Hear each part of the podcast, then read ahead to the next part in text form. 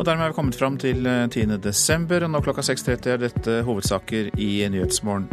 Rapporten om CIA-tortur skaper sterke reaksjoner i USA og andre land. I Polen krever de som etterforsker hemmelige CIA-fengsler i landet, tilgang til hele rapporten.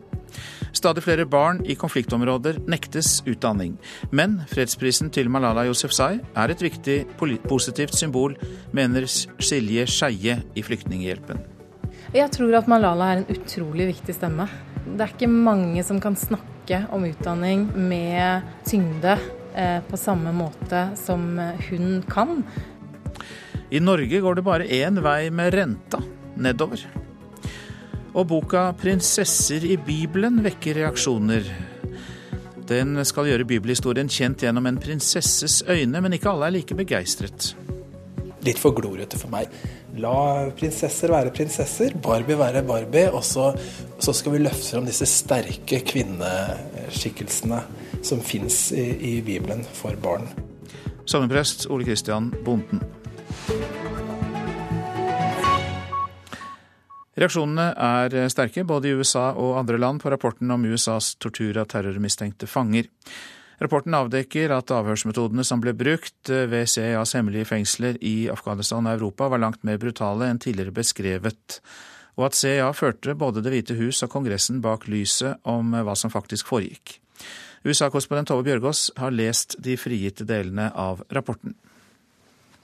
Det er jo rystende å lese om de torturmetodene som ble brukt, om hvordan eh, fanger ble holdt våkne i, i en uke, hvordan de ble matet gjennom endetarmen og andre forferdelige beskrivelser. Men, men det ryster meg også å lese om hvor eh, lovløst organiseringen av dette var i CIA, og hvordan de både eh, holdt tilbake informasjon fra den amerikanske presidenten og fra Kongressen, og hvordan det, det virker som, eh, som man i år etter år eh, lot denne praksisen pågå, og bare noen få mennesker som ikke engang virker å ha vært veldig kvalifiserte, fikk lov til å lede disse avhørsmetodene.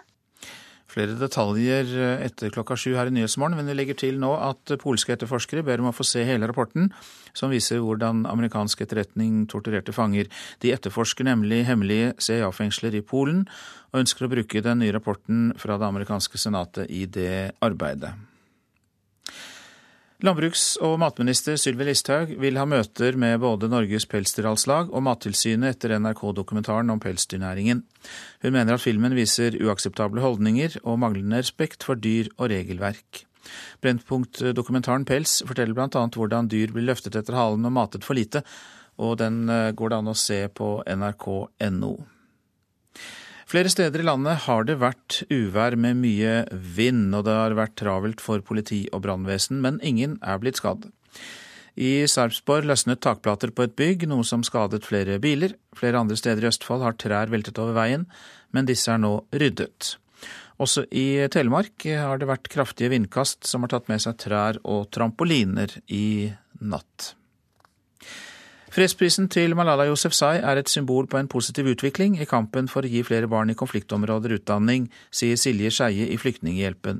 Stadig flere barn i slike områder mister utdanning pga. angrep. Altså, vi ser at eh, angrep mot utdanning eh, benyttes eh, i økende grad systematisk.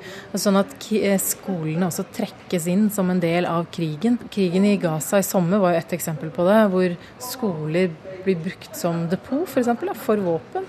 Eh, og da bli sett på som et lovlig mål for krigføring. I dag står minst 28,5 millioner barn i konfliktområder uten noen form for skoletilbud. Tallet vokser stadig pga. åtak og militær bruk av skoler. Silje Skeie, utdanningsrådgiver i Flyktninghjelpen, mener utdanning blir nedprioritert i disse områdene. Jeg tror Når man tenker på nødhjelp, så tenker man veldig ofte på det som er livreddende. Altså helse, tak over hodet, vann er nok det som veldig ofte eh, fremstår som det viktigste. Det vi ser da, fra de landene hvor vi er til stede, eh, det er at både barn og foreldre snakker om viktigheten av utdanning. De ønsker utdanning, de vil ha det eh, høyt opp, og de vil ha det så tidlig som mulig etter at eh, krisen har slått. Barn og deres foreldre de uttrykker at vi må få en utdanning for at, eh, for at vi skal klare å skape en positiv fremtid. Og for at vi skal klare å skape en positiv fremtid for landet. Skeie mener at fredsprisen til Malala er et symbol på en positiv utvikling, og at vi nå må vise at vi tar budskapet hennes på alvor. Jeg tror at Malala er en utrolig viktig stemme. Jeg tror at eh, det er, det er ikke mange som kan snakke om utdanning eh, med eh, tyngde på samme måte som hun kan, eh, med tanke på den historien eh, hun har vært gjennom, og den kampen hun har ført for utdanning. Og jeg håper at Nobels fredspris og tildelingen til Malala kan sette utdanning mer på bevisstheten til folk flest. da. Det mente Silje Skeie i Flyktninghjelpen, og reporter var Amalie Frøystad Nærø. Den andre fredsprisvinneren, Kailash Satyarthi, har jobbet for barns rettigheter og mot barnearbeid i hele sitt liv. Prisen er en ære for alle barn i verden, var noe av det første han sa da han kom til Norge. This is not an honor for me alone. I strongly feel that this is an honor for all the children in the world. And the children who are most deprived of their childhood, their education, their health, their rights, and their dignity.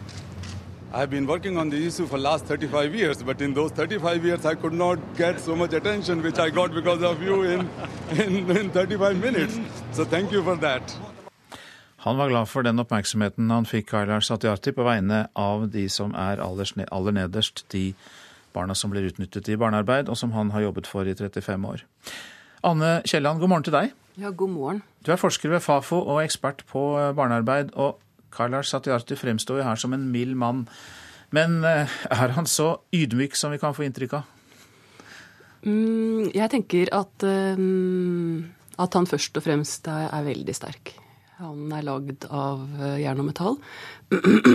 han kjemper mot barnearbeid i en av de landene hvor det er aller tøffest å, å kjempe mot barnearbeid. Og han har vist stort mot. Ja, og han har jo møtt uh, motstand, blitt uh, skadd også uh, opp gjennom årene i, i, den kampen. Så han har jo vist at han står gjennom denne stormen. Men når vi snakker om barnearbeid, hva mener vi egentlig? Det er kanskje litt ulike tolkninger? Ja, det er det. Um, og i den debatten om barnearbeid som har eksistert de siste 20 årene, så har det vel vært to nokså klare eh, forskjellige innfallsporter til hva barnearbeid skal være for noen ting. Eh, denne ene av de linjene har nok vært anført av eh, ILO, altså Internasjonale arbeidsorganisasjonen, som har vært mest opptatt av at barn ikke skal være på voksne menneskers arbeidsplasser at eh, når barn er i voksne menneskers arbeid, så fratar de voksne mennesker jobb. Og de samme voksne menneskenes barn må da arbeide fordi foreldrene ikke har noen jobb. Mm. De har også vært opptatt av at eh, barn i voksne menneskers arbeidsverden undergraver lønnsnivået. Dette fikk en del konsekvenser bl.a. for hvordan man målte barnearbeid. Man telte barn som var i det formelle arbeidsmarkedet. Men så er det jo sånn at de fleste barn som jobber, de er ikke i det formelle arbeidsmarkedet. For i utviklingslandene så er jo det uformelle arbeidsmarkedet mye større i India også. Unnskyld. Så det finnes jo en annen linje også som har vært eh, mer opptatt av barnet, litt uavhengig av hva slags jobb det barnet gjorde. Hvor hovedfokuset har vært på at barn ikke skal jobbe fordi det ødelegger barns helse, eller kan være skadelig for barns helse. Eller det kan stå i veien for eh, utdanning der hvor god utdanning er tilgjengelig. Er det, er det noen av de to skolene eller oppfatningene som åpner noe mer for litt arbeid for barn enn den andre oppfatningen? Eller er begge mm. bastant imot, eller er det litt forskjell? Nei, nei, det er jo litt forskjell. For du kan tenke deg at barns arbeidsoppgaver det eh, er jo på et spekter mellom eh, lett husarbeid og hjelpe til rundt huset på en måte som, mm. som barn ofte har veldig glede av selv, for det, det, bygger selvtilliten deres, og de føler seg nyttige, og de er med og sånn, eh, til, eh, til ja, ekstremutnytting i pornografi og prostitusjon. Så det er, det er et enormt spekter. Um, på engelsk har man prøvd å skille mellom child labor og child work, hvor child work skulle være de greie arbeidsoppgavene, og child labor skulle være de ugreie. Men, men, så enkelt er det jo ikke, for barn er forskjellige, og arbeidsmiljø er forskjellige, og, og arbeidsoppgaver er forskjellige. Så det er et nokså komplekst bilde. Hvor står fredsprisvinneren vår da i den diskusjonen der? Hmm. Han har nok, han har nok uh, stått nokså nær ILO. Han har jo også vært uh, utfordret ILO. Men, han, uh, men han har nok vært opptatt av at barn er i voksnes arbeidsplasser og fratar voksne, voksne jobbene. Og da, Du kan tenke deg at disse to innfallspunktene har litt forskjellige Eh, betydning for hva man, hva man, vil prioritere å gjøre med det. Eh, og da har det vært en linje, den NILO-linja, som har jobbet mye med arbeidslivslovgivning, trening av politi, opplæring av grenseposter i forhold til trafficking, eh, utvikling av nasjonale lovverk, domstoler og sånn, mens det har vært en annen linje som Unicef nok har vært mer på, Redd Barna mer på, som handler om å se på barns mer helhetlige livssituasjon, eh, sosiale og økonomiske situasjon. Alle de forholdene som gjør at foreldre og barn sammen gjør valg som, som ikke er optimale for, for unger. Da. Mm. Syns du at uh, Satiati skal utfordres på sin holdning der, eller, uh, eller ikke? Nei, nei, jeg tenker at uh, ja, ja, det hadde bare vært bra, egentlig. For jeg tenker det er andre som har gjort kanskje like mye som ham. Jeg tror Redd Barna India har gjort kanskje like mye som ham mot barnearbeid. Men fordi de jobber mer på det strukturelle planet, så syns de ikke så godt. Altså, de, de er ikke så tydelige. Klart det er veldig fristende å gi en fredspris til en mann som er så synlig og så tydelig, og som, som redder barn. Men, eh, men, jeg tenker det mest utfordrende, og som kanskje kommer til å bli stilt spørsmål i senere, det er hvor er det blitt av de 80 000 barna han har reddet? Hva, hva, gjør man med 80 000 barn? Sender man dem igjen til de samme sosiale og økonomiske forholdene som på en måte var utgangspunktet for at disse barnearbeidsvalgene ble tatt i utgangspunktet? Det interessante spørsmålet lar vi stå der.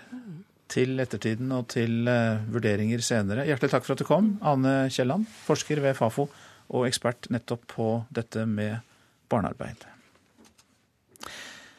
Og eh, vi skal ikke helt glemme at vi har flere fredsprisvinnere. I ettermiddag får eh, May-Britt og Edvard Moser sine priser i medisin overrakt i Stockholm. Forskerparet får prisen for sin hjerneforskning på stedsansen.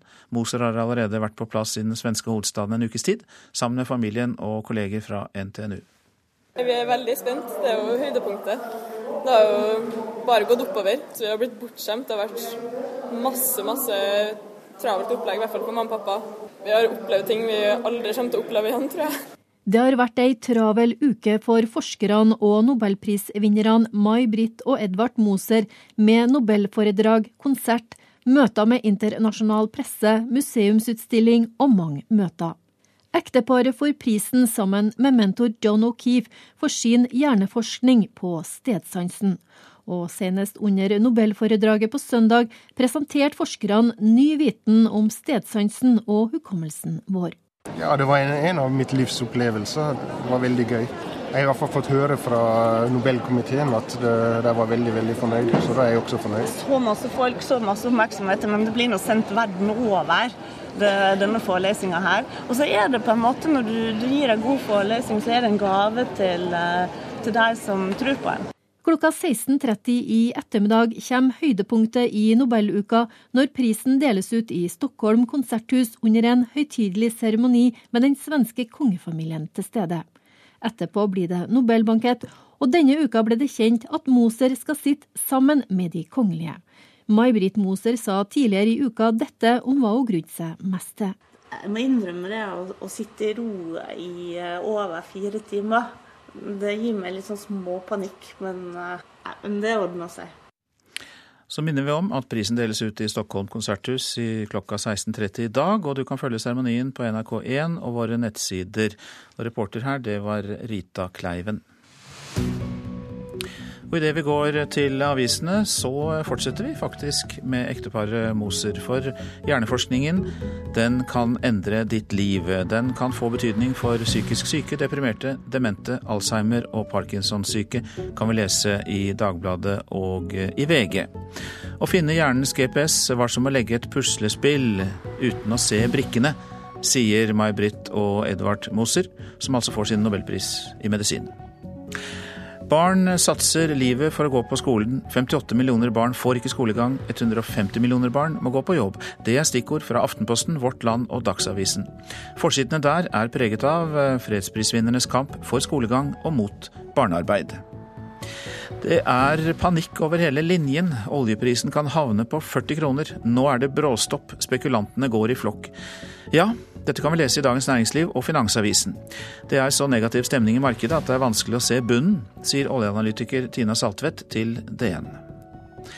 Erna Solberg går til angrep på fagbevegelsen, er oppslaget i Klassekampen. Statsministeren misliker storstreik mot endring av arbeidsmiljøloven, og hun advarer fagbevegelsen mot å legge seg ut med folket.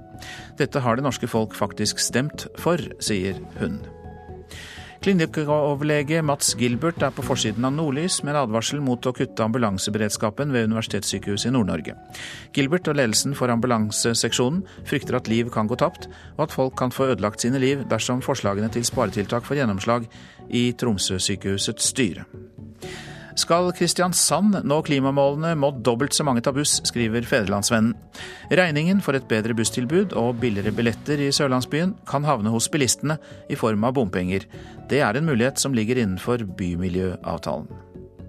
Slaget om julekundene er tema i Bergens Tidende. Kundene i bergensområdet har nemlig fått 50 000 flere kvadratmeter med kjøpesenter til julehandelen i år. Sentrum i Bergen ser ut til å holde stillingen, men det er butikkene i Åsane storsenter som så langt er taperne. Etter en litt uh, treig start så vant Norge til slutt komfortabelt 34-23 mot Ukraina i går kveld. Nå venter Danmark i hovedrunden i håndball-EM på torsdag. Syv sekunder igjen. Rekker vi en skåring til, da? Ja, vi gjør jo det! Ja, vi gjør jo det! Bare fosser opp, og Camilla Herrem får æren av å fastsette sluttresultatet i denne kampen til 34-23. Det startet varierende, men endte godt mot Ukraina i går. Norges toppskårer og banens beste, Nora Mørk, var fornøyd etter kampslutt. Det var deilig. En kamp som på en måte gikk litt trått. Vi er tøffe fysisk å spille mot. så at vi vinner så klart, det er bra. Man føler liksom at man aldri får helt den flyten eller helt taket på dem. Så deilig når eh, kampen var over at det var vi som leda såpass mye. Med seieren over Ukraina venter Danmark på torsdag, og den kampen er Stine Oftedal Bredal klar for. Det blir spennende. Men eh, det blir tøft. og Det er litt sånn greit, vi spiller uavgjort i stad mot Romania, men uh, hver kamp lever sitt eget liv. Så vi må være klare for å, for å ha sjansen. Med Kari Olvik Rimsbø ute av mesterskapet er det opp til Silje Solberg å holde buret rent. Hun beviste at hun er klar for oppgaven. Ja, så det er jeg veldig fornøyd med. At jeg starter dårlig, og så klarer jeg å komme tilbake til mitt normale spill. Så det er godt å bare bli ferdig med det. Så gjenstår det å se om den norske fansen også kan juble etter kampen mot Danmark. Og den er altså da i eh, morgen. Reporter Line Fosser Fugt. Klokka den nærmer seg 6.48. Dette er hovedsaker i Nyhetsmorgen. Rapporten om CIA-tortur skaper sterke reaksjoner i USA og andre land. I Polen krever de som etterforsker hemmelige CIA-fengsler i landet, tilgang til hele rapporten. Stadig flere barn i konfliktområder nektes utdanning, men fredsprisen til Malala Yousefzai er et viktig positivt symbol, sier Silje Skeie i Flyktninghjelpen. Og vi skal straks høre at det går bare én vei med renta her i landet. Og det er nedover. Hvis du har boliglån på 3 millioner kroner, så kan du se fram til å slippe 20 000 kroner billigere neste år. Sjeføkonom Jan Andreassen i Eika-gruppen tror renta er på rask vei nedover. Jeg ser ingen grunn til å vente eh, med å kutte rentene. I morgen avslører sentralbanksjef Øystein Olsen hva som vil skje med renta. Andreassen er usikker på om det kommer kutt allerede nå, men han tror Olsen kommer til å varsle flere kutt i 2015, som for oss bankkunder kan bety. Det kan godt hende at eh, gode lånekunder får eh, samlet sett rundt tre kvart prosentpoeng lavere boliglånsrente fram mot neste jul. Har du et lån på 3 millioner kroner, vil et samla kutt på 0,75 prosentpoeng bety 22 500 kroner mindre å betale på lånet i året. Og hvis man trekker fra skattefradraget, rundt 16 500 mer å rutte med.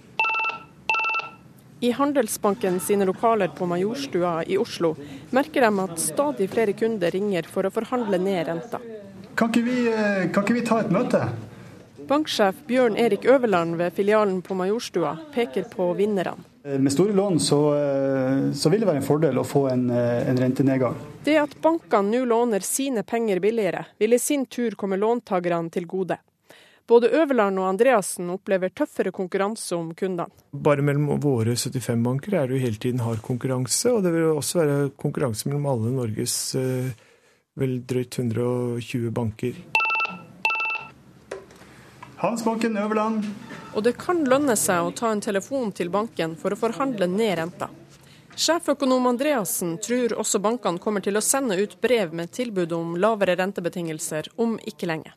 Tipper de fleste har brev i posten før, før påske. Han har også forventninger til at sentralbanksjefen i morgen kommer til å snakke om tida også etter 2015. Det jeg håper han varsler, er at rentene skal videre ned i 2016 og 2017. Og at Norges Bank tar inn over seg at eh, Norge virkelig går inn i en lavvekstæra. Og på sikt tror han også den norske styringsrenta vil nærme seg EU sitt nullrentenivå. Det er jo ikke vi fem millioner som trekker de 500 millioner opp. Det er de 500 millioner med null rente som trekker oss ned. Så jeg er egentlig ganske sikker på at eh, også norske renter vil nærme seg null. Eh, gitt at eh, det vil være nivået i våre naboland i overskuelig fremtid. Men selv om det kan bli billigere å ha boliglån, sier Øverland i Handelsbanken at det kan være greit å holde sammen. Eh, samtidig så øker jo risikoen da, fordi at vi også kan se et fall i boligprisen. Så da skal man helst ikke eh, ut på selgeren, eh, eller man, man, bør helst ikke skille seg, for å si det sånn, hvis man blir nødt til å selge. For da kan det bli tøft for, for enkelte. Og reportere her, det var Sindre Eirdal og Eva Marie Bulai. En eh, barnebok med tittelen 'Prinsesser i Bibelen' vekker reaksjoner. Boka fra det kristne forlaget Herman har rosa omslag og er ment for dem forlaget kaller barn i prinsessealderen, som vil bli kjent med bibelhistorier gjennom en prinsesses øyne. Nei, det er ikke noe for mine barn, sier sogneprest. Prinsesser i Bibelen.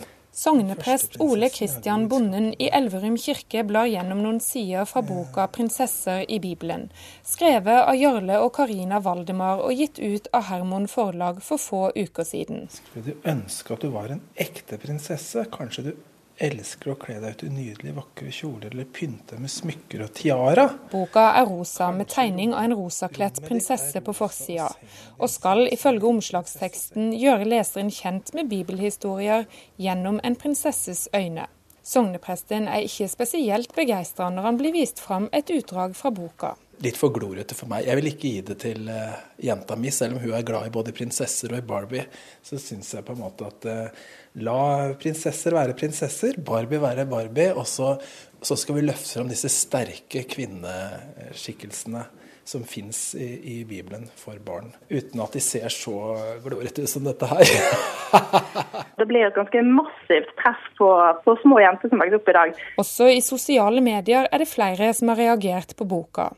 Unn Cato-dotter Fyllingsnes har selv ei lita datter, og likte ikke det hun fikk se. Jeg ser jo at de til og med har skrevet at denne boka er for barn i prinsessealder, ca. tre til ti år. Det er jo et ganske stort spenn å gå rundt som en rosa prinsesse, syns jeg. da. Det er jo bare et tilbud av mange. Forlagssjef Svein Andersen i Hermon Forlag er helt enig i at fortellingene er gode nok som de er, og at de ikke trenger å pakkes inn i prinsesseformat. Men det gir et eh, ekstra leselyst, i hvert fall ser vi hos, eh, hjemme hos meg og mine små jenter. Så dette er blitt veldig populært. Her er det bare et ekstra tilbud, og, det er jo ikke barna som eh, kjøper barnebibler. Det er mor og far og bestemor og bestefar. Og da får vi se da over jul om de har eh, syntes at dette var en god idé eller ikke. Denne reportasjen var laget av eh, Miriam Grov. Mens salget av FM-radioer stuper, er det stor interesse for å kjøpe ny DAB-radio, særlig til de av oss som er litt eldre og har gamle radioer. De første månedene i år økte salget av digitalradioer til norske husholdninger med 38% sammenlignet med samme periode i fjor. Og noen av disse vil nok havne under juletreet. Takk skal du ha. Jeg er ute etter en DAB-radio. Skal bli en julegave, eller? Ja, det skal bli en julegave til en eldre dame. Jeg er klar over at det kommer i 2017. Og Helge Dillekås er ikke alene. Interessen for å kjøpe radio er tydelig i årets julehandel, sier selger hos Elkjøp i Stavanger, Ingvar Bjørheim. Og veldig. Eh, veldig mye nye kanaler på DAB eh, så du ikke får på FM, og folk vil ha DAB, altså. Særlig litt eldre folk vil ha fortsatt radio. Så alt av radioer du ser her, er jo DAB-radioer. Sier butikksjef Tormod Tormodsen i elektronikkbutikken Tormodsen Junior i Stavanger sentrum. Etter planen skal det analoge FM-båndet slukkes i 2017. Og det merkes også i julehandelen, sier Tormodsen. Absolutt. DAB er helt på topp i år, så det selges bare det. Ikke FM? Nei, selv hun mor kommer og bestemor kommer og spør etter DAB. Ja, jeg har en mann som kjøper DAB-radioer i sekk og gav. Jeg syns det er helt tøys at vi må skifte til alle fine vi har fra før av. Ja, jeg har DAB-radio jeg òg, men jeg vet jo ikke helt hvorfor jeg har det. Så derfor så P1 pluss må du ha DAB-radio på. Ja, P1 pluss skal jeg ta. Jeg skal ha kosemusikk.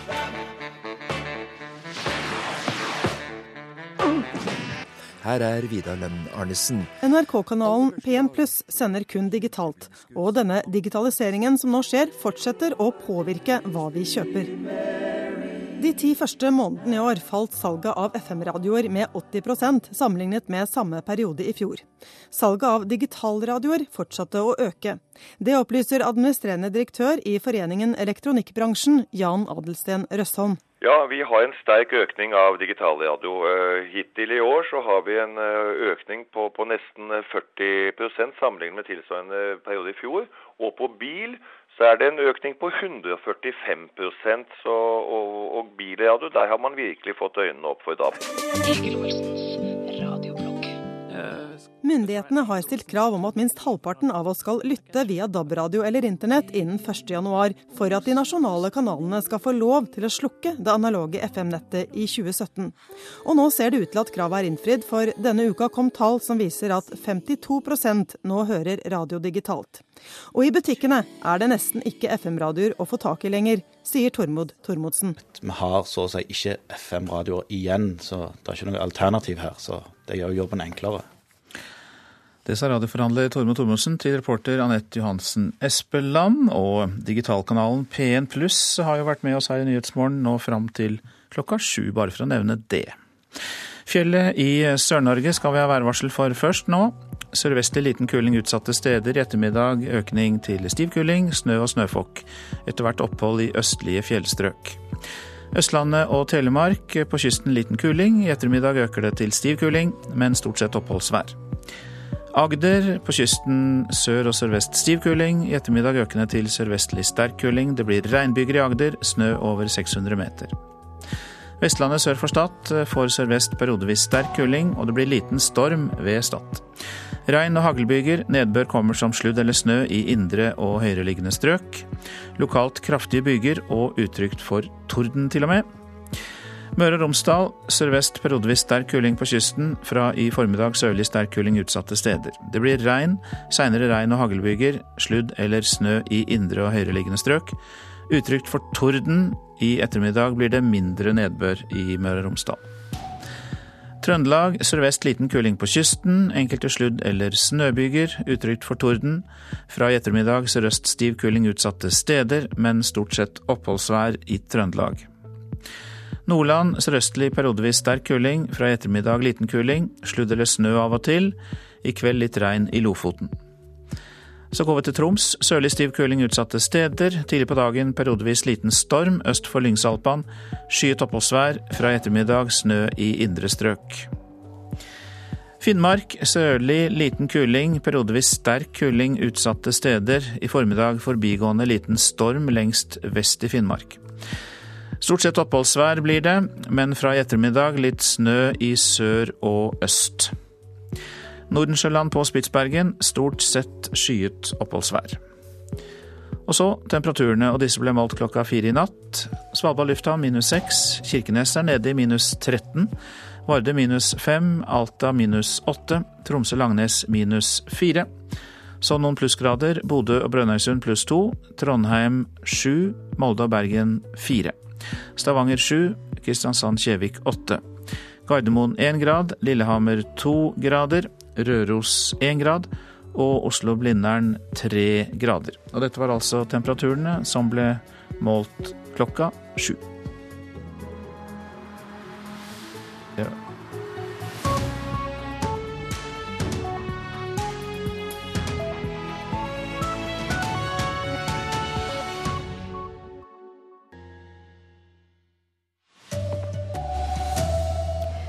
Pelsdyrnæringa er på rett vei, mener Mattilsynet. Og et område i Sarpsborg er stengt av pga. skader etter uværet på Østlandet i natt. Her er NRK Dagsnytt klokka sju. Tilsyn i pelsnæringa det siste året har avdekket dobbelt så mange brudd på lovverket om dyrehold som for tre år siden. Det viser nye tall NRK har fått tilgang til. Men bruddene er mindre alvorlige enn før, sier Ole Fjetland i Mattilsynet. Bildet som vi får, er at det går, har gått den rette veien i forhold til fokus på dyrevelferd og til etterlevelsen av regelverket. Hvis en kun ser på tallene, så vil, så vil en ikke få det bildet. Men derfor er det viktig for oss å og gjøre en faglig vurdering av dette. Hvorfor får dere avdekt alt da når dere er på tilsyn? Et tilsyn, en, en, en, en kan aldri avdekke alt når en er på tilsyn. Reporter Marit Gjelland. Det kraftige uværet som feide innover Østlandet natt til i dag, har felt mange tre og ført til at flere tak har blåst av. Flere tog er også innstilte. Mye nedbør har ført til vanskelige kjøretilhøve, bl.a. i Oslo. Sindre Dahlstrøm, innsatsleder hos politiet i Sarpsborg, sier de måtte stenge av et område i byen etter at flere takplater falt ned.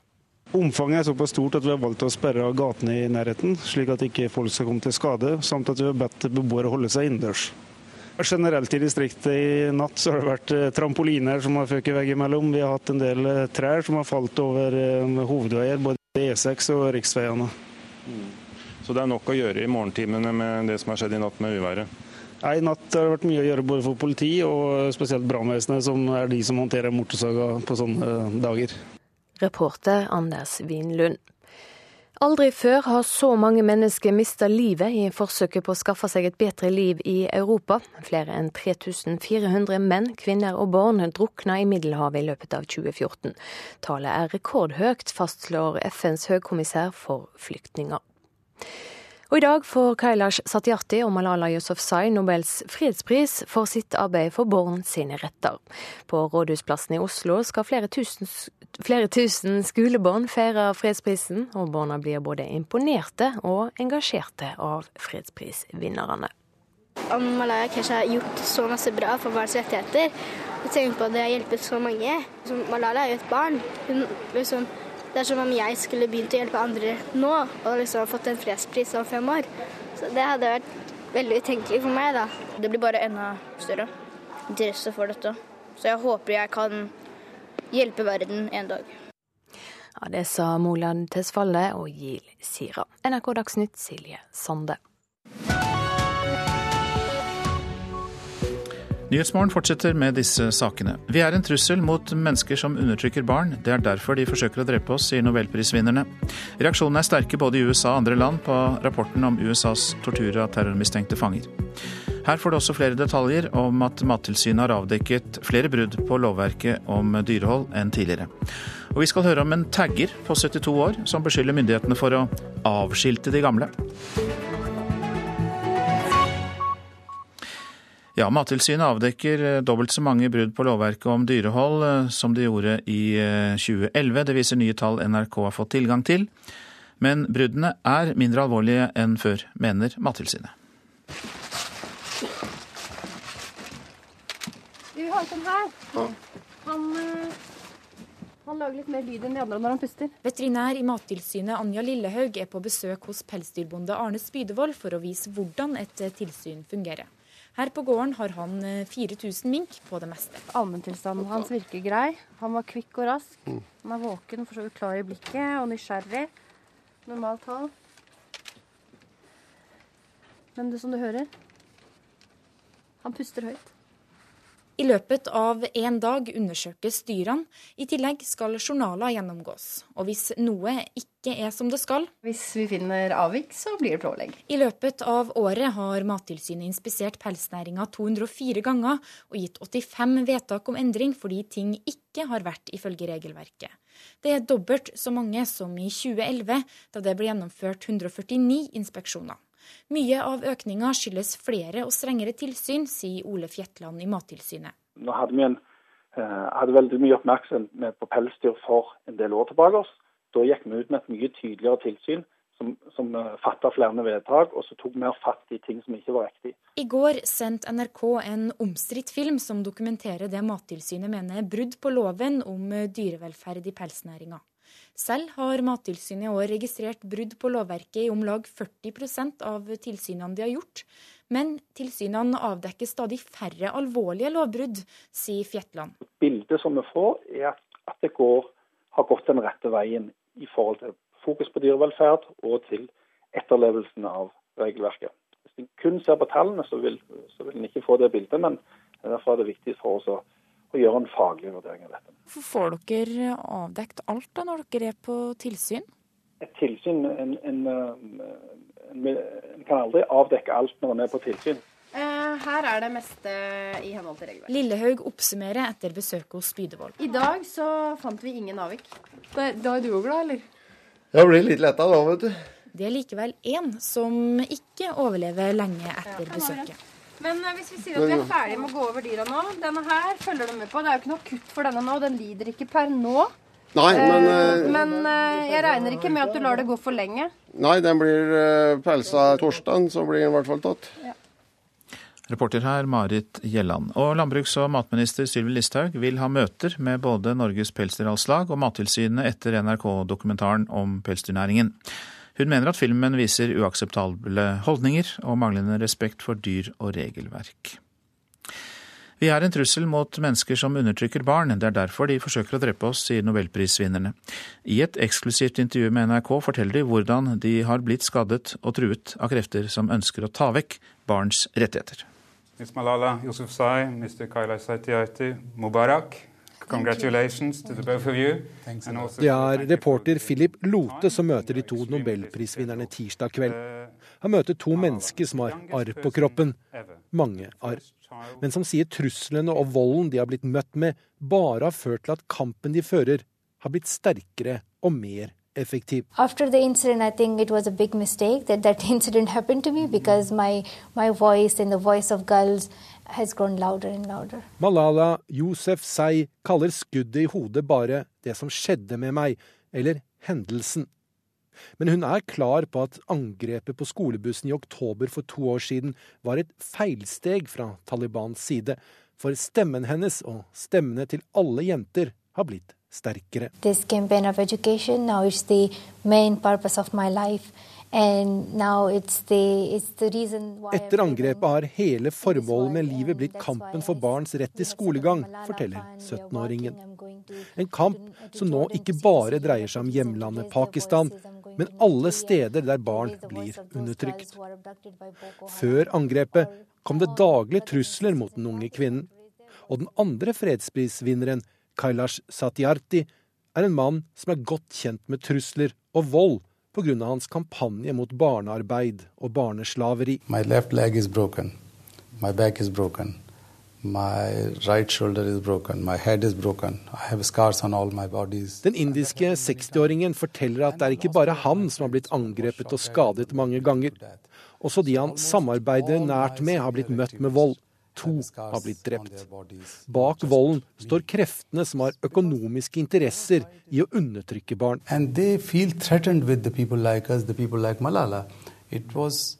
De føler seg truet av oss, er konklusjonen. De som truer Malala og meg, vet at de ikke kan overleve dersom vi får leve. Men volden slår feil, sier Satyarthi. Og det var eh, Halvard Sandberg som hadde laget dette innslaget. Knut Magnus Berge, utenrikssjef i NRK, god morgen til deg. Takk for det. Hva forteller det vi hørte om, no om fredsprisvinnerne, denne 60-åringen og denne 17-åringen?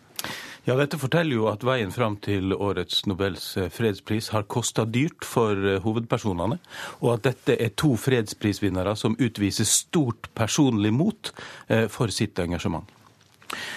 Vi uh, hørte jo til og med at uh, Malala sa det var et feilsteg å angripe meg for to år siden, for nå har hennes sak fått uh, blitt belyst så sterkt i resten av verden.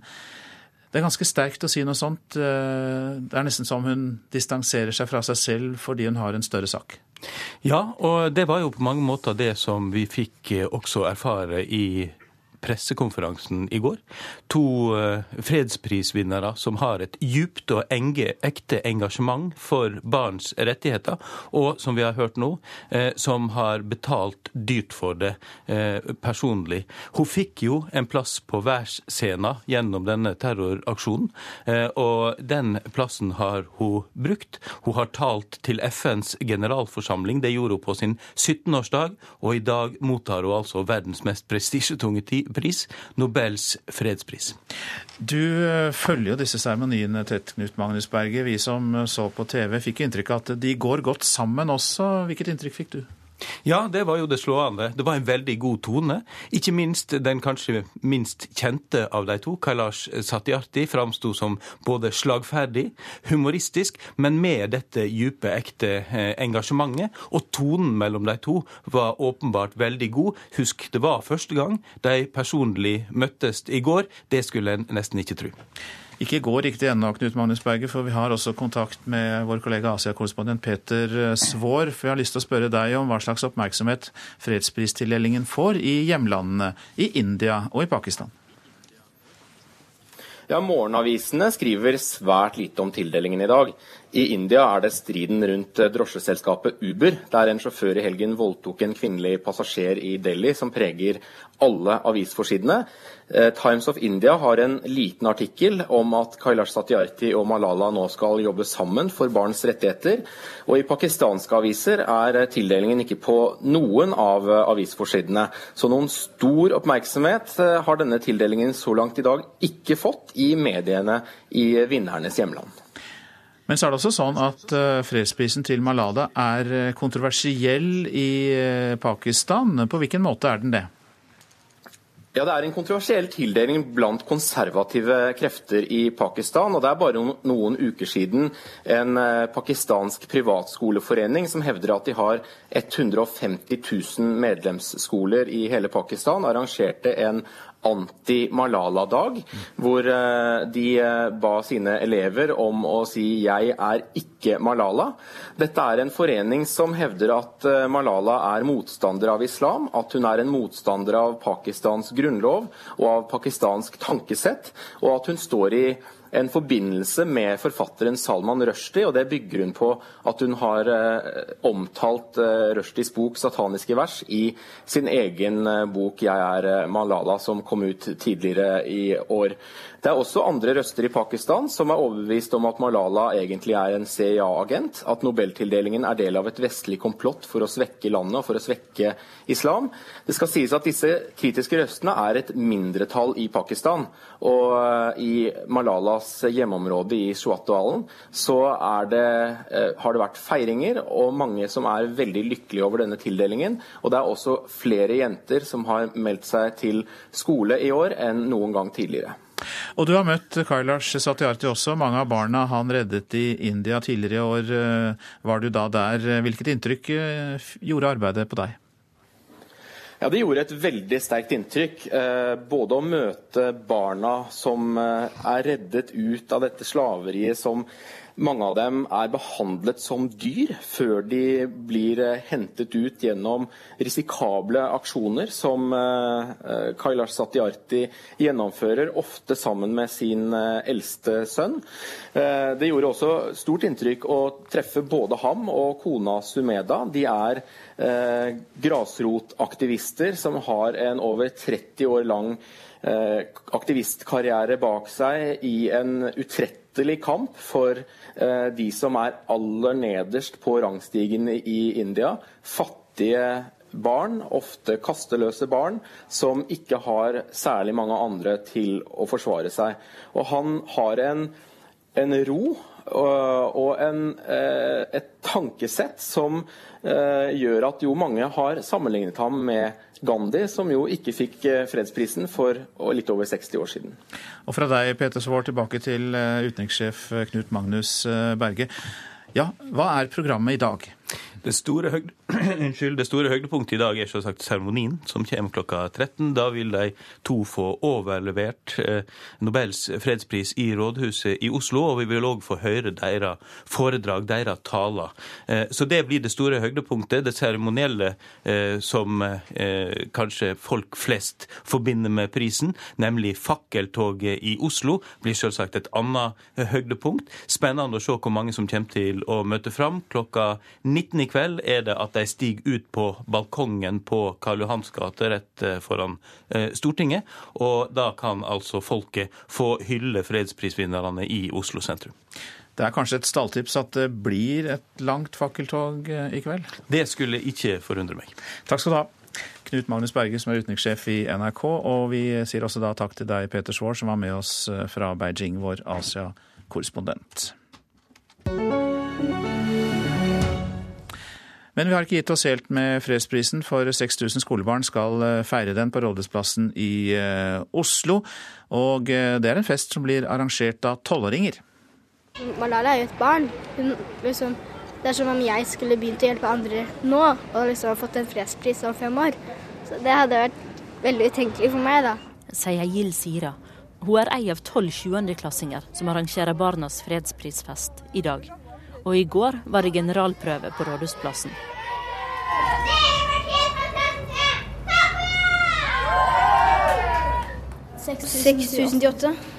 til nå har meldt seg på. Og det er rekord. Det er for Malala Akiles og alle barna. Og ja, det er for alle, egentlig. Og det er nettopp det, at de er barn og lager fest for barn, for barnerettene og for en vinner som òg er et barn, som gjør at de blir engasjert. Om Malaya kanskje har gjort så masse bra for barns rettigheter, og tenk på at det har hjulpet så mange. Det starta jo egentlig når jeg snakket mye med pappa, eller, og når jeg var nylig i Eritrea i sommer. Men det ble bare mer og mer etter det, så jeg håper jeg kan hjelpe verden en dag. Sier Gild Sira om Laddes Faldet.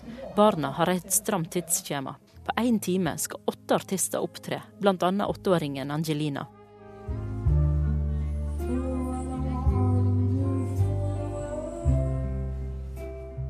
Og høydepunktet er de 15 minuttene fredsprisvinnerne er på scenen og blir intervjua. Mollad er trygg på at de er godt nok forberedt, og på at de vil få et godt publikum som ikke buer. Publikum buer. det skjer ikke. Det skjer ikke. Det kan skje, men det er femte til syvende, ikke første klasse. Jeg gruer meg ikke, men jeg føler det skal gå bra. Så vi klarer det.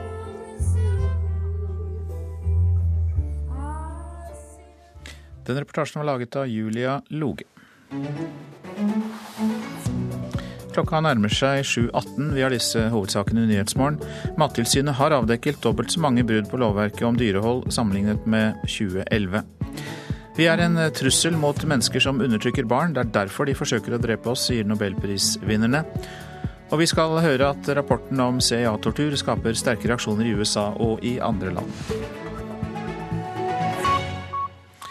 For denne rapporten avdekker at eh, avhørsmetodene som ble brukt ved CIAs hemmelige fengsler i Afghanistan og Europa, var langt mer brutale enn tidligere beskrevet, og at, eh, US, at CIA førte både Det hvite hus og Kongressen bak lyset om hva som faktisk foregikk. USA-korrespondent Tove Bjørgaas har lest de frigitte delene av rapporten. Det er jo rystende å lese om de torturmetodene som ble brukt, om hvordan eh, fanger ble holdt våkne i, i en uke, hvordan de ble matet gjennom endetarmen og andre forferdelige beskrivelser. Men, men det ryster meg også å lese om hvor eh, lovløst organiseringen av dette var i CIA, og hvordan de både eh, holdt tilbake informasjon fra Eh, den amerikanske presidenten og fra Kongressen, og hvordan det, det virker som, eh, som man i år etter år eh, lot denne praksisen pågå.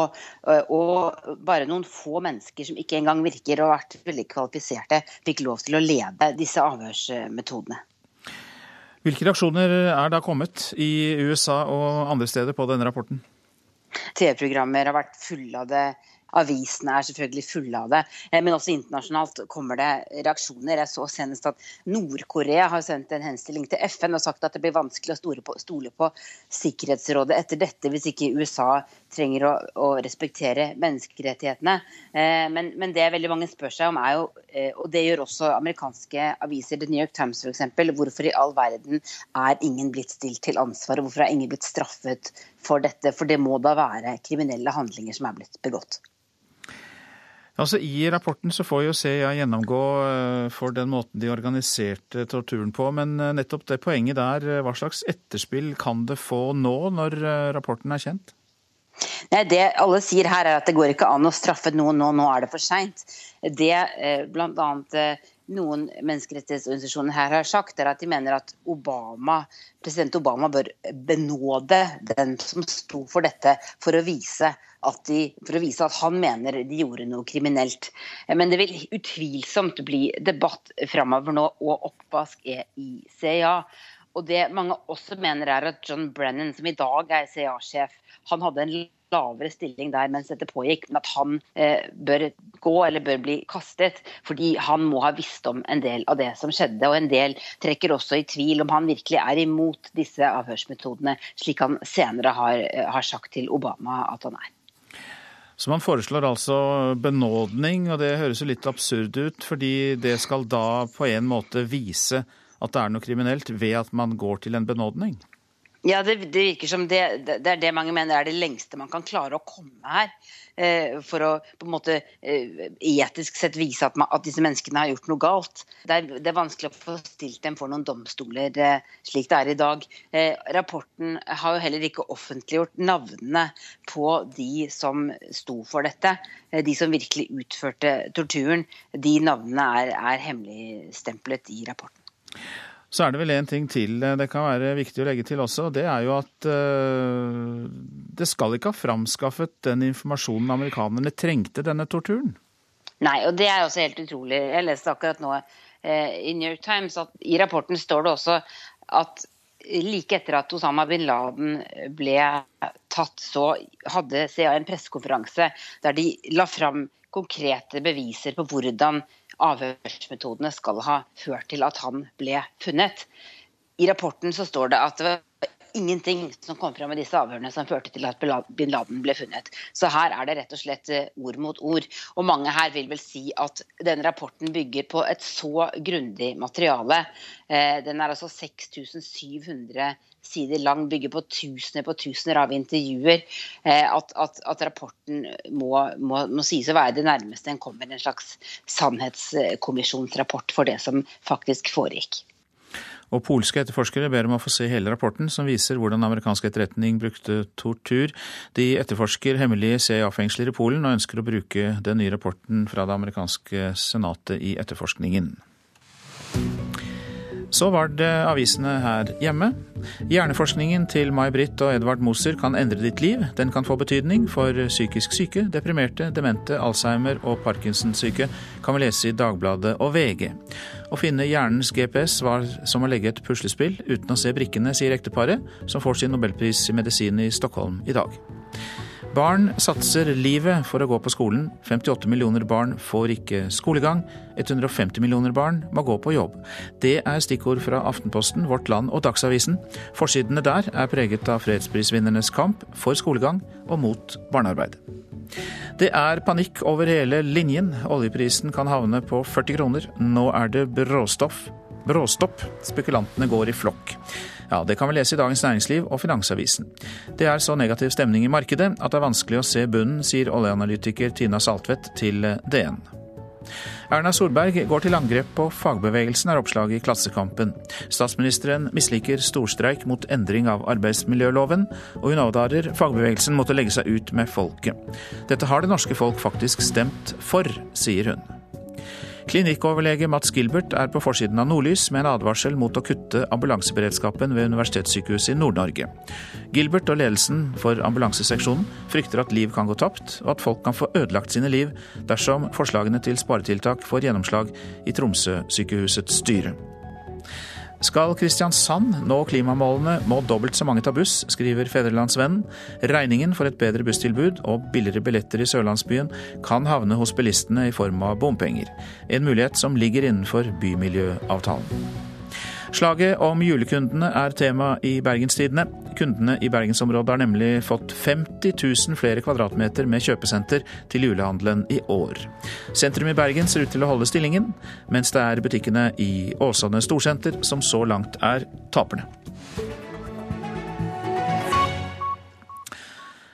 Nå litt lenger nordover kysten til Balestrand i Sogn og Fjordane og pensjonisten Elisabeth Knapp. Istedenfor å strikke, hekle eller løse kryssord, så er hun heller utendørs og gjør noe vi vanligvis ikke forbinder med pensjonister. Elisabeth Knapp er 72 år, mener staten driver en avskiltning av de eldre, og det gjør hun opprør mot.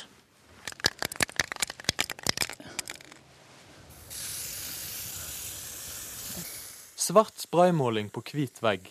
Motivet tar form, og snart ser vi en hund på muren. Da må vi bare være raske før det detter ned. På Noreid i Høyanger blir det tagga på en stor bygning. Elisabeth Knapp på 72 år er kunstner, opprinnelig for Sandefjord, men har bodd i Balestrand i sju år. Nå farter hun rundt med sprayboksen i protest mot staten, som hun mener pensjonerer eldre før nødvendig. Det var litt protest at vi blir avskiltet. Eldre mennesker blir avskiltet, kan ikke brukes. Får ikke lov å bli brukt. Og det trigget meg. Vi kan minst like godt som 25-30-åringene. Og derfor begynte du å tagge? Yes. For det tilhører ungdommen. Vi tar den her, vi. Bruker den, tror jeg. Er det noe mer på den, tro? Det er den som er tett. Tagging ble ofte sett på som hærverk, men knapt fikk løyve av huseieren til å tagge på bygningen i dag. Vanligvis er dette ikke så populært, noe hun fikk erfare ei høstnatt hun var ute i Førde. Jeg var der på natten og tagget i vei, og så kom det en bil med to unge menn. Og de syntes ikke det var bra, det jeg gjorde, og da ble jeg jaget. Men det stopper selvsagt ikke kunstneren fra å fortsette. Når en blir gammel, kan ingen stoppe deg, mener hun. Det har jo ikke så store konsekvenser hva du enn gjør, for du er jo så gammel. Og da kommer du unna med det. Da bare sier jeg 'jeg tagger', og så spør de den gamle damen om 'vær så snill og ikke gjør det, for det blir ikke pent'. Og da kan jeg jo bare be de kysse meg i ræva. Fordi at de tauer jeg ikke inn, og hvis de gjør det, så er jo det også ganske morsomt. Det er nesten et kompliment. For å komme seg rundt har hun en svart Mini Cooper. Her har Knapp med seg hunden, spraybokser og oppklipte maler på papplater for å kunne lage kunstverker. Nå er bakluken oppe. Her har jeg sprayene. Teip. Kort. Å begynne med tagging var en sprø idé som kom i sommer. Dette var nemlig noe hun ikke hadde prøvd før. Du prøver å gjøre det som er en utfordring. Du skal alltid prøve å gjøre det du ikke kan. Så hvis det er noe jeg er dårlig på, så prøver jeg å bli bedre. Nå som jeg er såpass gammel, så tenkte jeg pokker heller, altså. 25-åringene må jo ikke tro at de er best på tagging. Elisabeth Knapp sier seg fornøyd med motivet på veggen. Et symbol står igjen som bevis på at ingen er for gamle til å gjøre det de sjøl vil. Når du blir eldre, så kan du gjøre hva pokker du vil.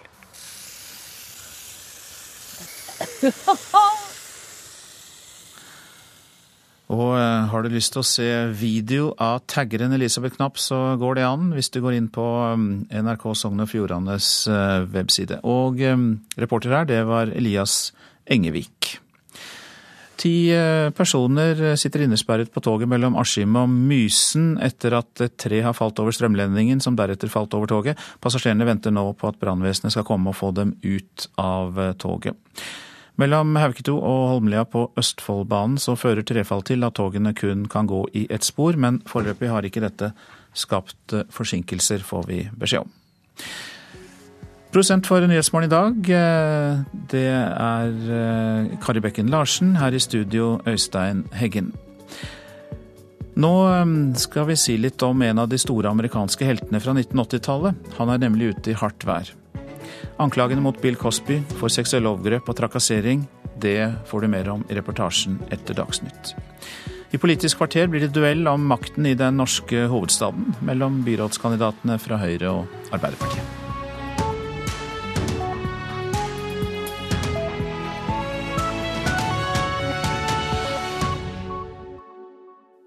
Spillerom i dag. Sex and drugs and rock and roll. Sex, drugs og rock'n'roll. Musikkbransjen er full av fristelser. Og for mange stjerner ender de i en tåke av rus, mental ustabilitet og selvdestruktivitet. For andre ender det i død. Den talentfulle jazztrompetisten Lee Morgan for eksempel, ble skutt ned av sin sjalu kjæreste. Hør historien i Spillerom i dag.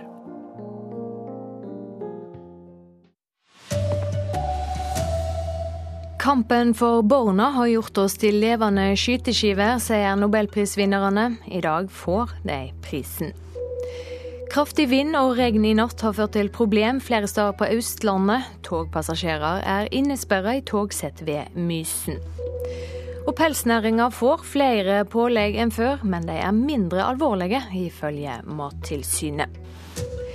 God morgen, her er NRK Dagsnytt klokka 7.30.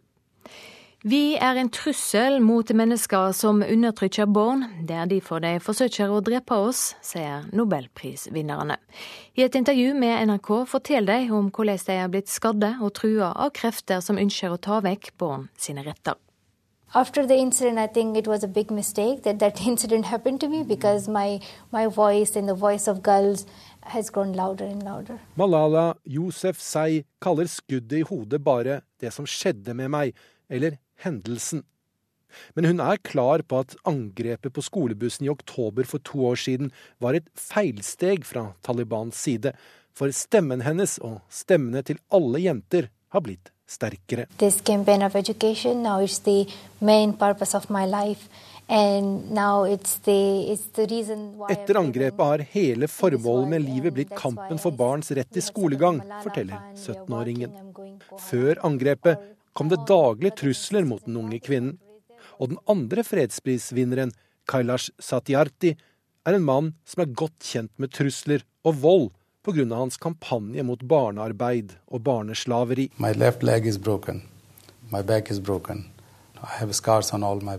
Den indiske 60-åringen forteller at det er ikke bare han som har blitt angrepet og skadet mange ganger.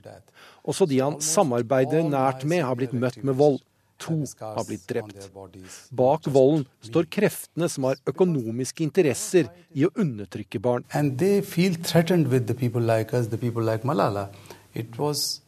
De føler seg truet av oss, er konklusjonen. De som truer Malala og meg, vet at de ikke kan overleve dersom vi får leve. Men volden slår feil, sier Satyarthi. Reporter Halvard Sandberg. Med i studio nå utenrikssjef i NRK Knut Magnus Berge. Hva vil fredsprisen bety for arbeidet til Kailash Satyarti og Malala Yousafzai?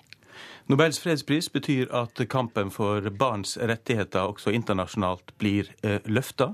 For fredsprisvinnerne gir prisen en talerstol og ytterligere eh, moralsk tyngde til deres budskap, også internasjonalt. Hva inntrykk gir de to vinnerne? Det var jo første gang de var sammen i går på pressekonferansen. Vi så slagferdige, humørfylte eh, fredsprisvinnere med et eh, djupt engasjement og med stor respekt eh, for hverandre.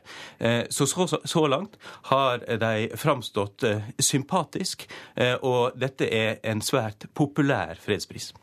Og I dag er dagen for selve tildelinga. Hva står på programmet for de to prisvinnerne?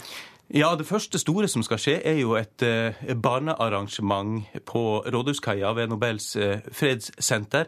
Der er det venta stort frammøte, og fredsprisvinnerne kommer jo da dit rundt klokka halv tolv. Så skal de en svipp opp om Slottet for eh, audiens, før det store høydepunktet, seremonien i Rådhuset klokka 13. Der vil vi få taler fra begge fredsprisvinnerne, mens publikum har sin store sjanse i kveld da eh, fakkeltoget går opp Karl Johan og blir møtt av fredsprisvinnerne på balkongen på Grang klokka 19 i kveld.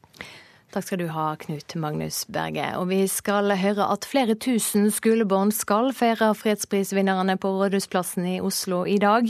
Gild Sira er en av sjuendeklassingene som arrangerer Barnas fredsprisfest. Malala er jo et barn. Hun, liksom, det er som om jeg skulle begynt å hjelpe andre nå og liksom fått en fredspris om fem år.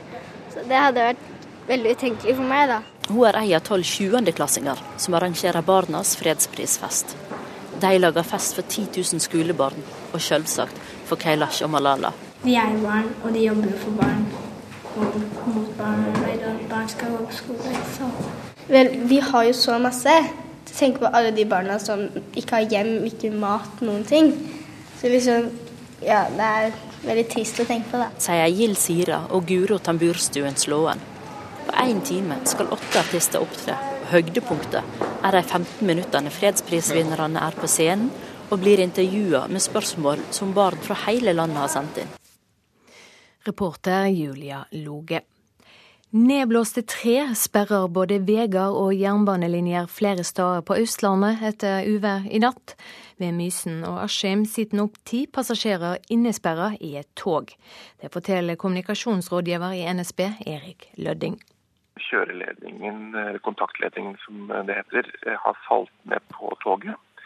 Der ønsker man å ta ut passasjerene fra det toget selvfølgelig, og få dem på et uh, annet tog eller annet transportmiddel, sånn at de kommer seg videre. Men før det kan gjøres, så må Jernbaneverket gjorde den kontaktledningen som har falt ned. Det ønsker ikke å gjøre før det har blitt lyst, eh, sånn at jeg har litt mer oversikt, for det er eh, litt ulendt der. Så alt dette har selvfølgelig med sikkerheten å gjøre. Og andre steder har tak og takplater blåst av. Deler av Sarpsborg sentrum er avsperra pga. det. Mykje nedbør har også ført til vanskelige kjøretilhøve, bl.a. i hovedstaden. Oslo-politiet ber folk om å kjøre forsiktig. Tilsyn i pelsnæringa det siste året har avdekket dobbelt så mange brudd på lovverket om dyrehold som i 2011. Det viser nye tall NRK har fått tilgang til. Men bruddene er mindre alvorlige enn før, mener Mattilsynet. Allmenntilstanden hans virker grei. Han var kvikk og rask. Han er våken, for så vidt klar i blikket og nysgjerrig. Normalt tall. Men det som du hører, han puster høyt.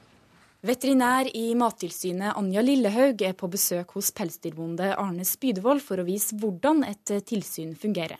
Her på gården er det 4000 mink på det meste.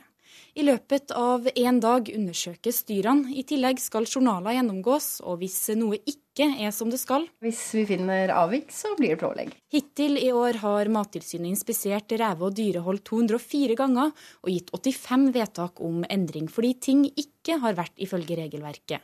Det er dobbelt så mange som i 2011, da det ble gjennomført 149 inspeksjoner. Økninga skyldes hovedsakelig flere og strengere tilsyn, forteller Ole Fjetland i Mattilsynet, som sier de avdekker stadig færre alvorlige lovbrudd. Bildet som vi får, er at det går, har gått den rette veien i forhold til fokus på dyrevelferd og til etterlevelsen av regelverket. Hvis en kun ser på tallene, så vil, så vil en ikke få det bildet, men derfor er det viktig for oss å, å gjøre en faglig vurdering av dette. Hvorfor får dere avdekt alt da når dere er på tilsyn?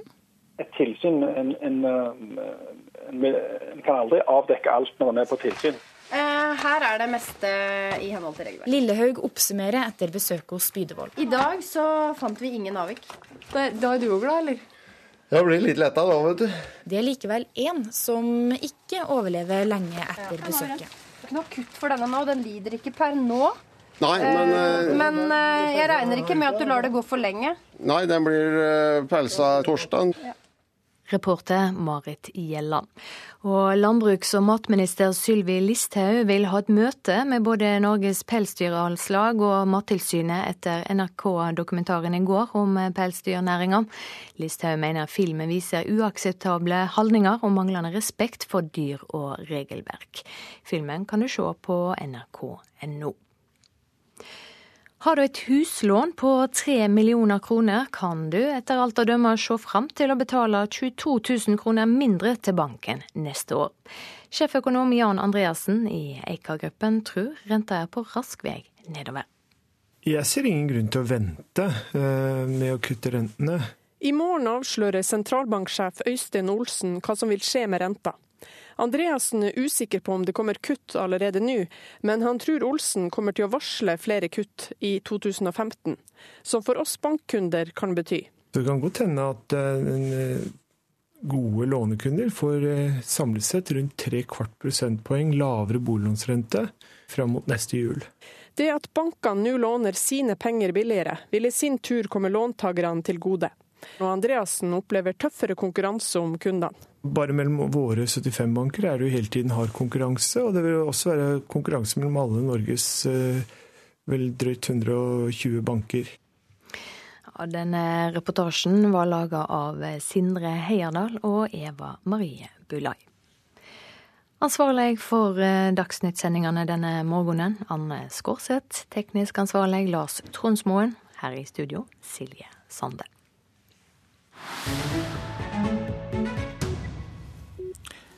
Her i Nyhetsmorgen om en av de store amerikanske heltene fra 1980-tallet som er ute i hardt vær. 13 kvinner har anklaget komiker og skuespiller Bill Cosby for seksuelle overgrep og trakassering. Selv nekter han å kommentere beskyldningene. Wenche Eriksen har laget denne reportasjen.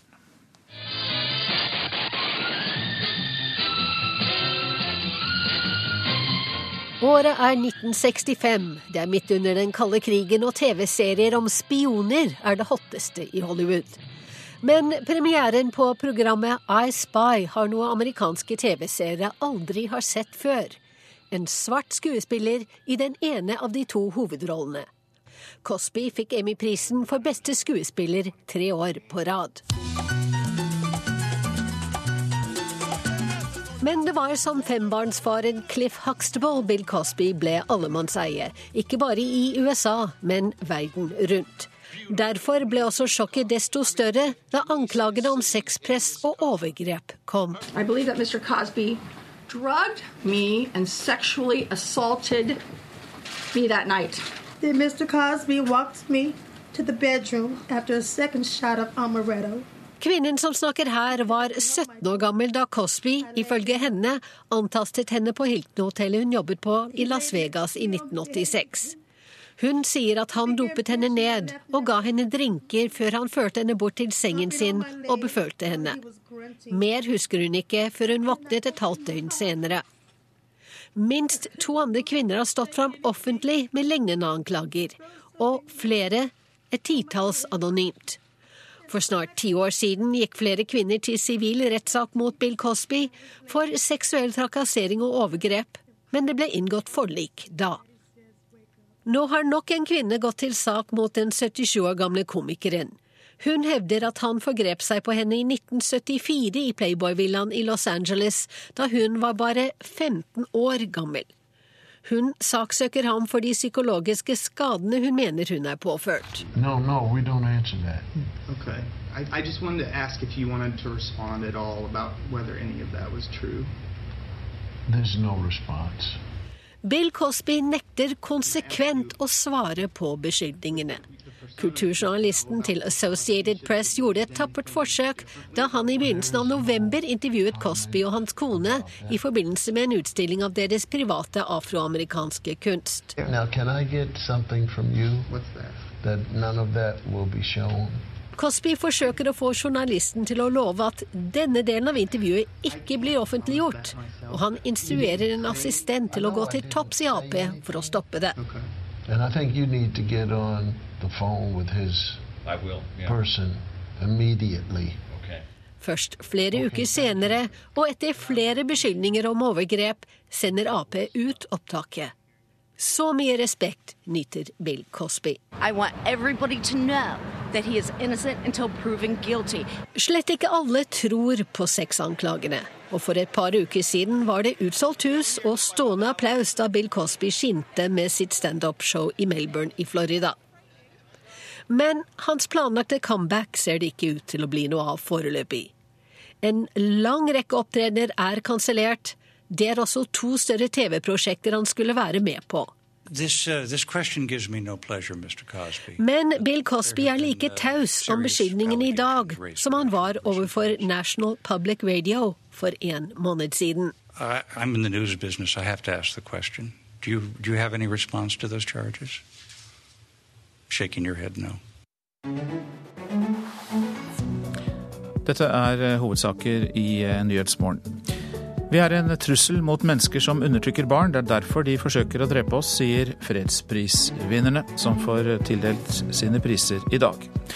Landbruksminister Sylvi Listhaug vil ha møter med både Norges Pelsdyralslag og Mattilsynet etter NRK-dokumentaren om pelsdyrnæringa.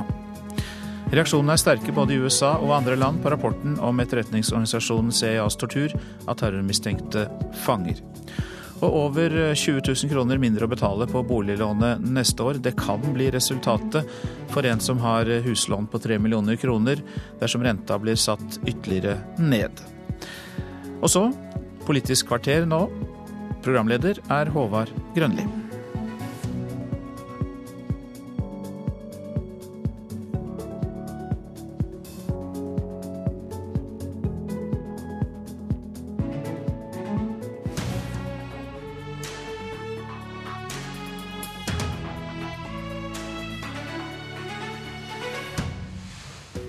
Hvem skal styre hovedstaden? Rørleggeren eller advokaten? Makthungrige Ap eller erfarne Høyre? Det er ni måneder igjen til lokalvalget, og valgkampen blir unnfanga i Politisk kvarter med første Oslo-duell mellom Aps Raymond Johansen og Høyres Stian Berge Røsland. Og vi skal også snakke om kampen om de andre norske byene. Det er 10. desember, og fredsprisbyen Oslo har verdens merksemd. Om de mange TV-kameraene hadde filma litt bak fasaden i det pynta rådhuset i dag, så hadde de kanskje fanga blåfargen. For siden Ap og Rune Gerhardsen kasta korta i 1997, har Høyre sittet med byrådslederen i hovedstaden. Raymond Johansen, velkommen. Tusen takk for det. Du er byrådslederkandidat for Arbeiderpartiet. Ja, ja. Høyre styrer en dynamisk by i enorm vekst. Det blir bygd en ny bydel rundt Operaen. Skolen er en motor i Skole-Norge økonomistyringa får bra karakter. Hva trenger denne byen Arbeiderpartiet til? For det første, Oslo er en god by å bo i, eh, i likhet med de fleste byer i, eh, i Norge. Og eh, jeg er veldig stolt av, av, byen min og stolt av å bo her. Og det er ingen tvil om at Oslo står foran enorme utfordringer framover. Det er en global globalisering at folk flytter til byer. I Oslo så kommer vi i løpet av de neste 20 årene til å få en vekst som tilsvarer at vi vokser med Molde by hvert annet år. Dette setter oss om for enorme uh, utfordringer knytta til at folk skal på jobb. Småbarnsfamilier som skal få dagen til å gå opp. Unge som skal skaffe seg bolig. Og også eldre, eh, både pleietrengende og andre, som skal leve verdige liv. Og hva gjør en med det? Eh, jeg mener at eh, vi har ikke planlagt godt nok eh, for denne, denne veksten. Det bygges ikke nok boliger. Eh, hjemmehjelpstjenesten overfor de som er eldre, fungerer ikke godt nok. Og skal vi nå de klimamålene vi har satt oss, så må den veksten vi har, tas kollektivt, på sykkel eller gangvei. Også der ligger vi langt bak. Så det vi trenger, er plan, visjoner, planer og en betydelig gjennomføringskraft for å nå disse målene. Stian Berger Røsland, byrådsleder for Høyre. Både Høyre og Ap peker på folkeveksten som den store utfordringa for hovedstaden. Begge vil bygge smartere, satse på kollektivtrafikk og knutepunkt. Men Høyre har hatt makta i årevis i både Oslo og Akershus. Det finnes verken Fornebubane eller T-bane til Ahus. Oslo-bilister står 90 timer i kø årlig. Hvorfor skal vi tro på Høyres gjennomføringskraft på disse områdene her? Jeg tror for det første at det er veldig positivt at uh, også Arbeiderpartiet er enig i at, uh, at, vekstutfordringene nok er det som kommer til å prege oss uh, mest fremover de neste tiårene. Det har i og for seg vært det de forrige, forrige tiårene også. Jeg mener at vi prøver å rigge til byen og, og byområdet vårt på en måte som gjør at vi kan møte den, den utfordringen.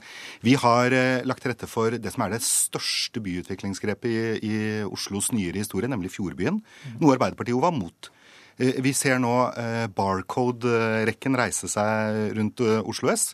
Det var Arbeiderpartiet også mot. Og vi skal snart bygge et nytt Munch-museum, som også Arbeiderpartiet var, var mot.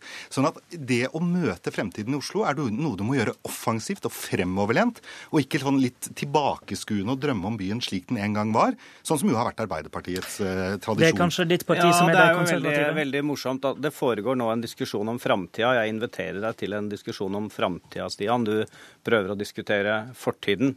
Eh, jeg sier at det er et betydelig problem med astma, allergiplager, partikler fra Smestad til Majorstua til Groruddalen. At den veksten vi nå skal ta eh, innenfor eh, transport for at folk skal kunne komme raskest til jobb, det er i ferd med å få store utfordringer.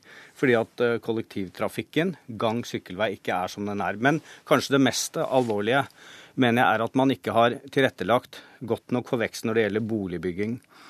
Eh, I dag så trenger man kraftfull politisk styring for å nå disse utfordringene. I plan og antall reguleringssaker i Oslo, så er det 99% av de i Oslo som de private står for. Gjennomsnittet ellers i Norge er 54% Man trenger en veldig aktiv kommune for å tilrettelegge for det nødvendige innenfor barnehager, innenfor boligbygging, innenfor infrastruktur, og ikke overlate det til markedet alene. Røsland, er det for mye marked og for lite politikk med Høyre? Nei, jeg mener at vi har en ganske god balanse på det i, i Oslo. Jeg tror nettopp det å sørge for at vi har dette gode og nære samarbeidet med private aktører, er viktig i byutviklingspolitikken. Men det blir bygd for lite. Det ja, men spørsmål, spørsmålet er om det blir bygd så veldig mye mer hvis kommunen selv lager, lager planer. Vi jobber jo nå med, med reguleringsplaner som sendes inn eh, fra, fra mange private aktører. og Problemet er jo ikke at vi mangler reguleringsplaner. Problemet er at det blir bygget for lite. Vet du hvor mange, du hvor mange ubygde boliger det er i Oslo som er regulert? Det er ca. 20 000 stykker. Sånn at planarbeidet er jo ikke det som er problemet her. Det er jo hva det er som skal til for å få til mer bygging og flere boliger. Men det vi kommer til å, å få til fremover, er jo eh, det vi ser på de, som de liksom store sånn områdetransformasjonene. Der har Fjordbyen vært viktig, og det kommer til å være viktig. Eh, hva som kommer til å skje på Filipstad, Sydhavna og nedover, kommer til å ha betydning. Det som ser på Hasle og nye Håvindbyen kommer til å, å, ha betydning. Vi kommer til å se fortetting i, eh, i rundt de store kollektivknutepunktene, rundt stasjonene på, på T-banen. Så det kommer til å skje veldig mye spennende, spennende, her, Herman. Ja, men det, det, det er uh, flott hvis det skjer. men jeg tror nok jeg ville vært litt mer ydmyk, litt mer bekymret, når jeg ser at man overhodet ikke klarer å holde tritt med befolkningsutviklingen i forhold til antall boliger som bygges. At man heller ikke nå eh, har nok eh, barnehageplasser er en utfordring. Innenfor hjemmetjenesten er en stor utfordring. Eh, vi kommer til fra 2023 så kommer antall eldre mellom 80 og 90 år å øke kraftfullt. Og du har jo selv uttalt dette manglende framgang når det gjelder å bygge sykkelveier. Eh, når det gjelder å komme seg raskt til jobb. For vi vet at skal vi Men, og her, eh, vent, skal, skal uh, også Oslo bidra til klimaforliket, så skal vi nå togradersmålet, så er vi nødt til at hele den veksten som nå skjer, at den må tas faktisk kollektivt. Enten at folk kjører buss, T-bane, trikk, eller går eller sykler. Der er jeg urolig, veldig veldig urolig, for de manglende gjennomføringskraften.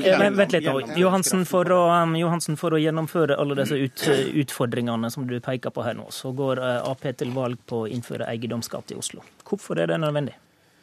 Jeg var inne på det, uh, særlig knytta til eldre. Vi får mange eldre mellom fra 2023 så vil det vokse veldig. Eh, byrådet selv sier at det er kritikkverdige forhold innenfor eh, sykehjemssektoren, innenfor hjemmehjelpssektoren. Vi ønsker at mange eldre fortsatt skal kunne bo hjemme. Derfor ønsker vi å innføre en moderat eiendomsskatt. Eh, satse midlene på å styrke muligheten for at eldre kan bo hjemme lenger. Både ved å styrke hjemmehjelpstjenesten, men også det ved å invitere inn næringslivet. Ved å ha gigantiske investeringer på ny teknologi. Gjøre om omsorgsboliger, sånn at folk faktisk kan bo hjemme lenger. Og Dette tar lang tid å planlegge for. Og vi regner med at i løpet av den fireårsperioden så vil vi ca. ha 1 milliard kroner å rutte med på, på, eiendomsskatt. Men Russland, en moderat eh, innføring av det. Russland vil ikke en milliard ekstra over fire år kunne løse mange av de utfordringene byen har? Jeg tror en eiendomsskatt i Oslo kommer til å skape veldig store problemer. Og jeg syns Oslo må være en av de aller minst egnede kommunene i Norge å ha eiendomsskatt for. Og grunnen til det er at det er veldig få ting vi oslofolk eh, bruker mer penger på enn å bo. Altså Det er ingen steder i Norge det er dyrere å bo enn det er, eh, er her i byen. Eh, og det Arbeiderpartiet inviterer til her, er at eh, vi Oslo-folk skal bruke enda mer av inntektene våre på å bo. Det mener jeg er en gal politikk. I Oslo så har vi de siste 18 årene eh, bygget ut velferdstjenester. Vi har bygget ut hjemmehjelp, vi har bygget ut sykehjem, vi har bygget ut barnehager. Vet du, vet du at 41% flere eh, ettåringer eh, får, får barnehageplass i Oslo enn det loven krever? Vi har 86 Eh, av de eldre og pårørende som mottar hjemmetjenester, sier at de er fornøyd med hjemmetjenestene. Vi har gjennomført betydelige løft, og vi har gjort det uten eiendomsskatt. Men, men, i likhet med Høyre i Bergen, i Stavanger, i Kristiansand, så mener vi eh, det er viktig å få eh, ha ekstra midler for å kunne styrke eldreomsorgen i en kritisk fase.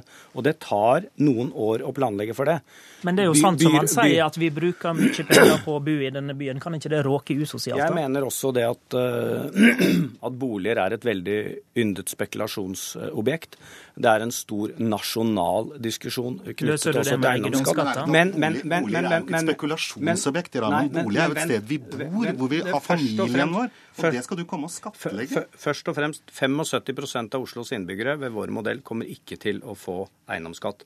Vi ønsker å uh, bruke 1 milliard. Jeg skal se du greier å finne 1 milliard som vi vil styrke eldreomsorgen med. Gjøre det mulig å ha to barnehageopptak. Det skal vi bruke disse midlene på. Og uh, de pengene tror jeg kommer veldig godt med i en meget krevende situasjon hvor denne byen vokser med Molde hvert annet år.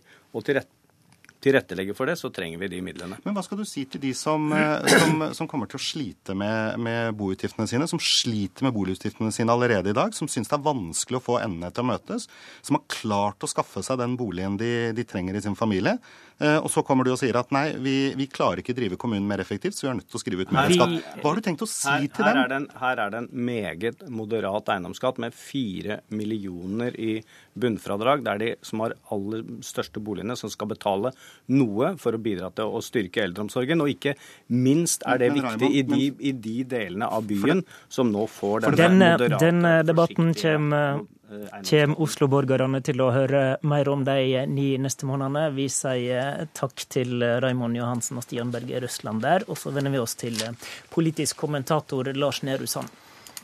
Lokalvalget i 2015 eh, vil i stor grad være prega av kampen om de største byene. Hvorfor er dette viktig? For Arbeiderpartiet så har det vært en akilleshæl at, eh, at, man ikke har eh, klart å erobre makten i andre storbyer enn eh, Trondheim. Det gjør at det har en, en nasjonal dimensjon over seg i, i balansen mellom, maktbalansen mellom Høyre og, og, Arbeiderpartiet. For Arbeiderpartiets del så har det handla både om å ha oppslutning nok i de store byene, men kanskje vel så viktig å ha eh, venner nok i, i, de store byene for å bygge brede nok allianser til å vippe flertallet i i bystyret til, eh, til, i sitt favør. Sentrumspartiet. Ja, og de er i de aller fleste eh, byene eh, blå, eller ser, ser, mot blå side. Mens jo suksessen i Trondheim har vært i første rekke at de rød-grønne vant, men også at de rød-grønne har klart å utvide sin familie mot sentrum, og dermed har klart å holde alliansen i mange år. Du har um, skrevet en del om behovet for en storbypolitikk, og at bypolitikken i Norge er i ferd med å bli ei overbygning for politikken. På hva måte da? Men det må bli en overbygning fordi at det handler så mye om den eh, samfunnsplanleggingsdimensjonen vi hører, at det vi må gjøre i årene som kommer, det neste generasjons politikere må få til, handler om en, en eh, sektoroverbyggende eh, himmel for, for eh, hvordan man skal bygge byer i Norge. Og det har vi ikke nødvendigvis vært flinke til i, i årene som har gått. Hva sektorer er viktigst eh, da? Både klimapolitikken er veldig mange av svarene på de eh, vanskelige spørsmålene ligger i byene. Det handler om hvordan vi forflytter oss, og da kommer jo samferdselspolitikken inn. Men derfor så handler det også om hvor vi bor og hvor vi jobber, og hvordan vi kommer oss eh, mellom de to stedene som vi tross alt transporterer oss oftest. Tilbake til eh, tvekampen Høyre-Arbeiderpartiet. Nå ligger jo Ap rekordhøyt på målingene idet vi går inn i lokalvalgåret. Hvordan kan den nasjonale oppslutninga om Ap og de utfordringene regjeringa har sett i det siste, prege lokalvalgsåret? Det tror jeg er for tidlig å si, eh, si, nå. Jeg tror vi får en litt annen politisk dynamikk idet vi går inn i lokalvalgkampen, og folk omstiller også hodene sine litt til hva som er situasjonen i sin kommune, ikke bare eh, nasjonalt. Men det er klart at kampen Ap-Høyre vil være svært sentral i lokalvalgsåret. Både fordi det er de to største partiene, men også fordi, som vi har snakket om, det angår de to eh, store byene, og, eh, nei, de, de, store byene i, i, Norge, kanskje spesielt Oslo og Bergen. Eh, men så er det interessante kamper i kampen som handler om både Miljøpartiets eh, posisjon, SV, Frp som regjeringsparti, eh, som også handler om dette. Det var Politisk kvarter. I studio, Håvard Grønli.